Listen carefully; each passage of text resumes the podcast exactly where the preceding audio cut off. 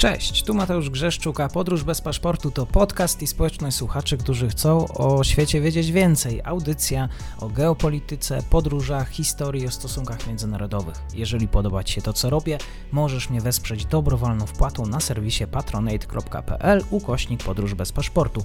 Serdecznie za to dziękuję, bo właśnie dzięki temu mam szansę rozwijać to miejsce. Obserwuj, polub i udostępniaj dalej. Zapinamy pasy, czas na kolejny odcinek podróży.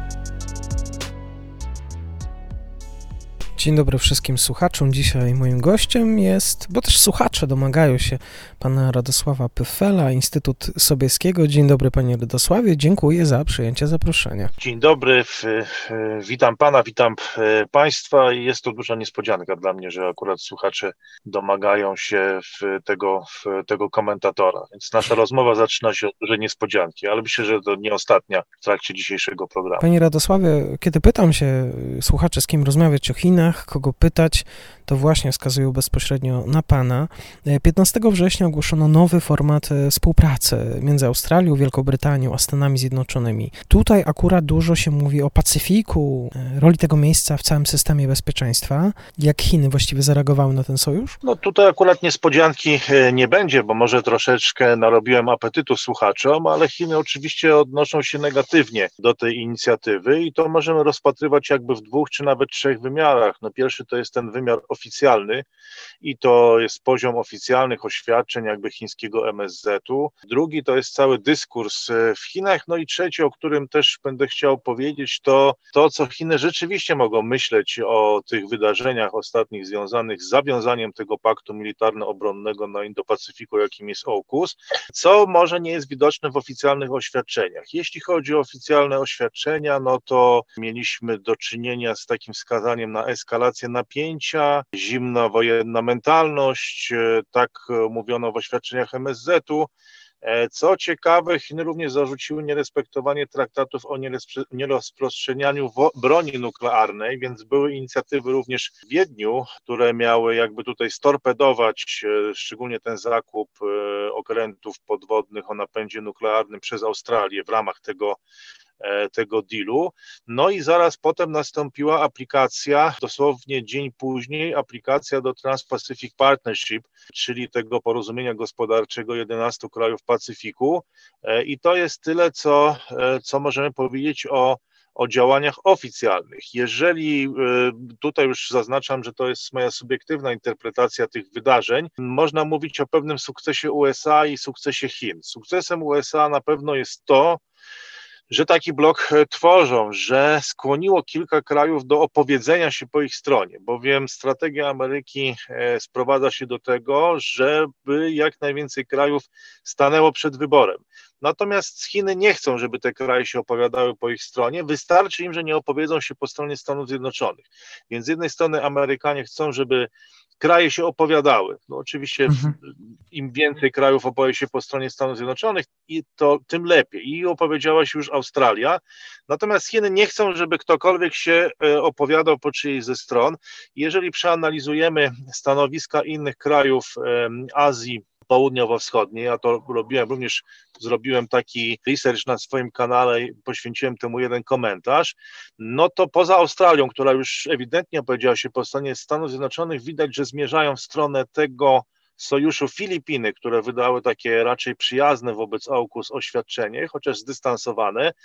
E, można powiedzieć, że neutralne są Wietnam, Tajlandia, Singapur, co ciekawe również Nowa Zelandia jakby dystansowała się od inicjatywy. Krytyczne były oświadczenia Indonezji i Malezji. Znaczy wszystkie były bardzo dyplomatyczne, ale niewątpliwie Filipiny były bardziej pro-AUKUS, e, Wietnam, Tajlandia, Singapur, Nowa Zelandia były bardzo wyważone, neutralne, Indonezja, Malezja były krytyczne.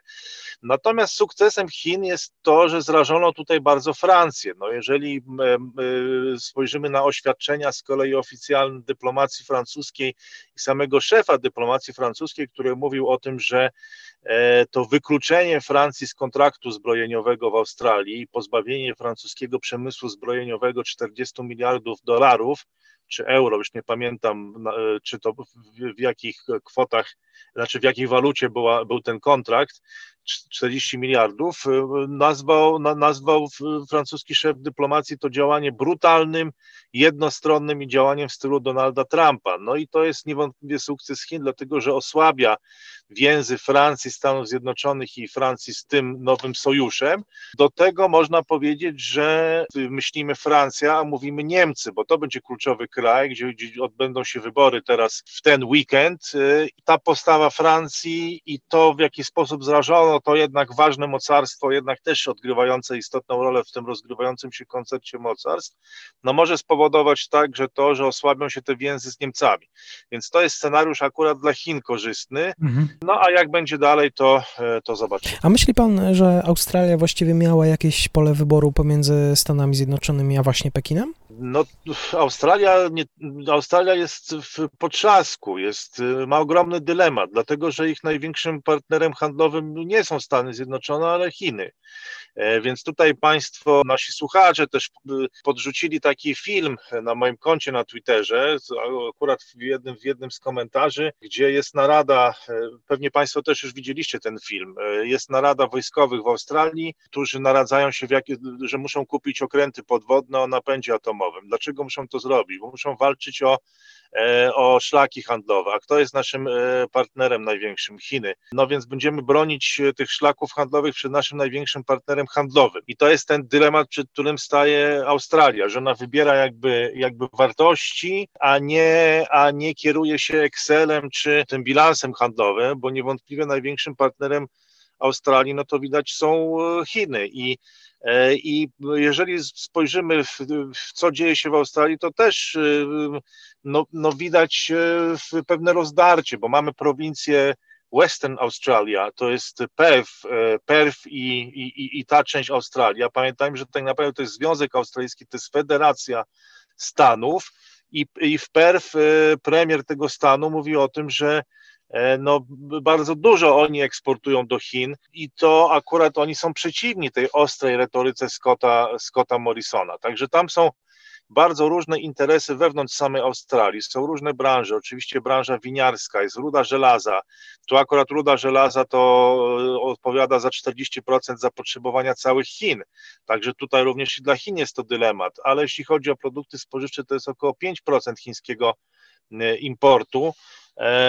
Także Chiny to być tak mocno nie dotknie ta wymiana ciosów i ta wojna celna, którą toczy, toczą Chiny z Australią od wiosny 2020 roku, kiedy Australia zgłosiła te obiekcje co do śledztwa w sprawie koronawirusa i wtedy się ta wojna celna rozpętała. E, no ale, ale jest to wielki dylemat Australii, która w latach 90. ogłosiła się, że będzie państwem azjatyckim, że będzie integrować się z regionem Azji. Wtedy, kiedy to przemówienie słynne wygłaszał premier Keaton, to myślano bardziej o Japonii, e, może jeszcze nie o Chinach, no ale widać wyraźnie, że że ta integracja z regionem Azji oznaczała zdominowanie handlu przez e, Chiny. No i dzisiaj ciężko jest się Australii z tego, e, z tego będzie jakby no wyjść i właśnie dochodzi do takich paradoksów. No, czy zakup tych, tych łodzi podwodnych o napędzie atomowym nuklearnym, przepraszam, czy to, czy to w jakikolwiek sposób przyczyni się do rozwiąz rozwiązania tych dysput handlowych z Chinami.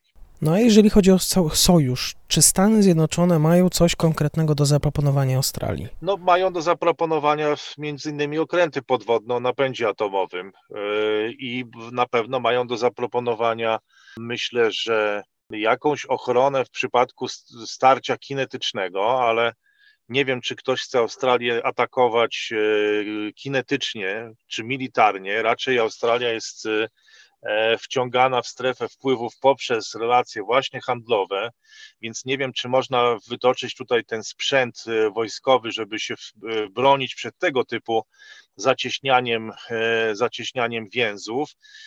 Na pewno być może, nie wiem, no nie jesteśmy anglosasami, no może, może jest jakaś więź szczególna między, między tymi krajami, wynikająca ze wspólnoty języka, kultury, na pewno wartości także i być może to dla Australijczyków znaczy więcej niż te relacje handlowe, ale tutaj znowu mhm. niespodzianka, nie pierwsza w tym programie, a zaczęliśmy od dużej niespodzianki. No taką niespodzianką jest postawa Nowej Zelandii, no, która także jest krajem anglosaskim, ale jednak te drogi Nowej Zelandii się z Australią rozchodzą i Nowa Zelandia się dystansuje od tego, tego paktu. Premier Adlen powiedziała, że Nowa Zelandia nie była zapraszana i też nie oczekuje takiego zaproszenia, bowiem w tym pakcie jej zdaniem wszystko kręci się wokół okrętów podwodnych o napędzie nuklearnym i widać wyraźnie, że Australia jest, przepraszam, Nowa Zelandia jest bardziej skupiona na tych kwestiach handlowych i tutaj jej drogi z Australią się rozchodzą. Zresztą mhm. te, ta aplikacja chińska do TPP została złożona w Auckland już następnego dnia. To ma też pewien wymiar symboliczny, że akurat y, złożono ją w Nowej Zelandii. Panie Radosławie, przejdźmy dalej. Y, Japonia próbuje wniosek Tajwanu o przystąpienie do partnerstwa transpacyficznego. Czy coś to zmienia w kontekście bezpieczeństwa w regionie, e, polityki ekonomicznej Japonii? Czym jest właściwie to porozumienie? To jest ciekawa rozgrywka dyplomatyczna, to wsparcie, którego Japonia udzieliła Tajwanowi, e, bo nie sądzę, żeby, e, żeby poskutkowało ono tym, że Tajwan zostanie do tej organizacji przyjęty. E, dlatego, że aby tak się stało, musiałby uzyskać akceptację wszystkich 11 jej e, członków, już bez USA, które tak naprawdę założyły tą organizację, aby balansować wpływy gospodarcze Chin w regionie, między innymi właśnie w Nowej Zelandii, czy w Australii, czy w innych krajach regionu. No ale w czasach Donalda Trumpa i polityki America First Stany Zjednoczone się z tej organizacji wycofały. Natomiast Japonia, Australia, Kanada, Chile, Meksyk, inne kraje pacyficzne w liczbie 11 E, postanowiły jakby utrzymać e, tą koncepcję i stworzyć Trans-Pacific Partnership. I teraz każdy nowy członek może zostać przyjęty na zasadzie konsensusu, właśnie takiej aklamacji. E, I pewnie w przypadku Tajwanu takiej aklamacji nie będzie. No, Japonia jako pierwsza udzieliła takiego poparcia. To jest oficjalne oświadczenie rządu japońskiego, przedstawicieli rządu japońskiego. Kiedy Chiny złożyły tą aplikację właśnie jakby w odruchu sprzeciwu wobec, wobec AUKUS, to Japonia e, pozytywnie się na ten temat nie wypowiedziała. I teraz dlaczego to jest ciekawa rozgrywka dyplomatyczna? Dlatego, że ona dotyka czułego punktu. Jest takie chińskie powiedzenie, ja też lansuję te powiedzenia na swoim kanale na YouTube, to jest Tanhu Biense, czyli jeżeli Tanhu Biense, jeżeli rozmawiasz o tygrysie, no to, to kolor twojej twarzy się zmienia. I tym tygrysem dla e, Chin, e, dla kontynentu jest kwestia Tajwanu, więc Japonia porusza bardzo tutaj drażliwej kwestii i moim zdaniem robi to celowo. E, dlaczego? No tutaj zaprasza Pan wielu e, dyplomatów, przedstawicieli do podróży bez paszportu, e, którzy zajmowali się dyplomacją, polityką międzynarodową. Na pewno wszyscy mogą potwierdzić to, że czasem, jeżeli dotknie się takiego czułego punktu, to gdzieś tam pojawia się nerwowość, jest nakładana presja na przedstawicieli danego kraju i oni gdzieś idą w swoich oświadczeniach o słowo za daleko. A jak idą o słowo za daleko, to czasem pewne rzeczy już przestają być możliwe, tak jak przyjęcie na przykład w tym wypadku Chin do TPP.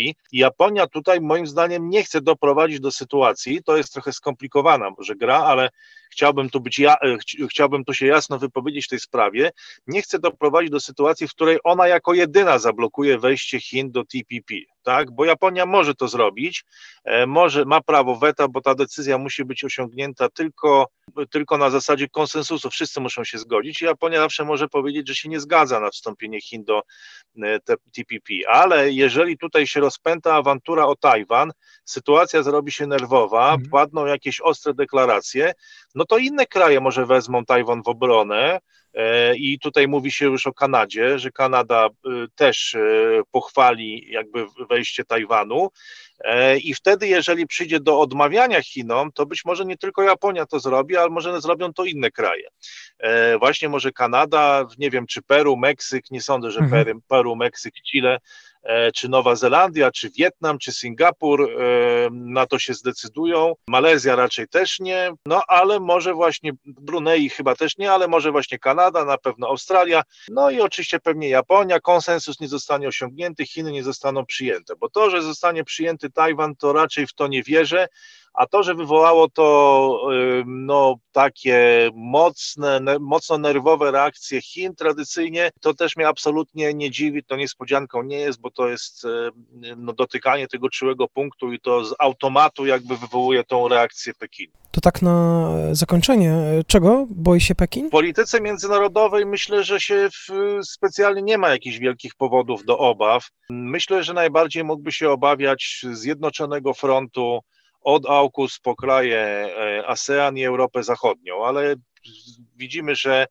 e, taki scenariusz się nie realizuje. Wiele krajów w Azji Południowo-Wschodniej e, nie opowiada się jednoznacznie po żadnej ze stron. Zrażona została Francja, niezdecydowana jest Europa Zachodnia, więc raczej myślę, że tutaj się nie ma czego obawiać. Natomiast jest wiele problemów wewnętrznych. Mamy Evergrande, bańka na rynku nieruchomości, bankructwo, E, kontrolowane bankructwo tego wielkiego dewelopera chińskiego, e, dane gospodarcze, no zobaczymy jak, jak jeszcze sprawdzi się ta koncepcja tej podwójnej cyrkulacji, tak, czyli popyt, rozwijania popytu na rynku wewnętrznym i selektywnego wybierania sobie ze światowej gospodarki to, co jest na rękę Chinom.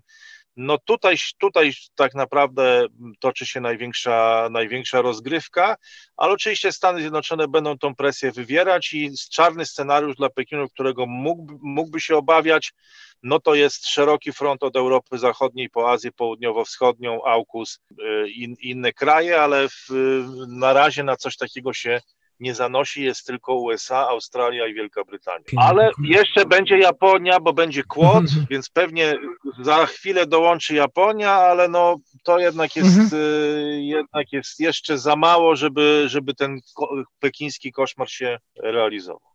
Pekiński koszmar, ale wielka radość dla słuchaczy, bo Radosław Pyfel był gościem audycji. Serdecznie dziękuję. Dziękuję, kłaniam się i wszystkiego dobrego, dużo, dużo zdrowia i radości w takim razie.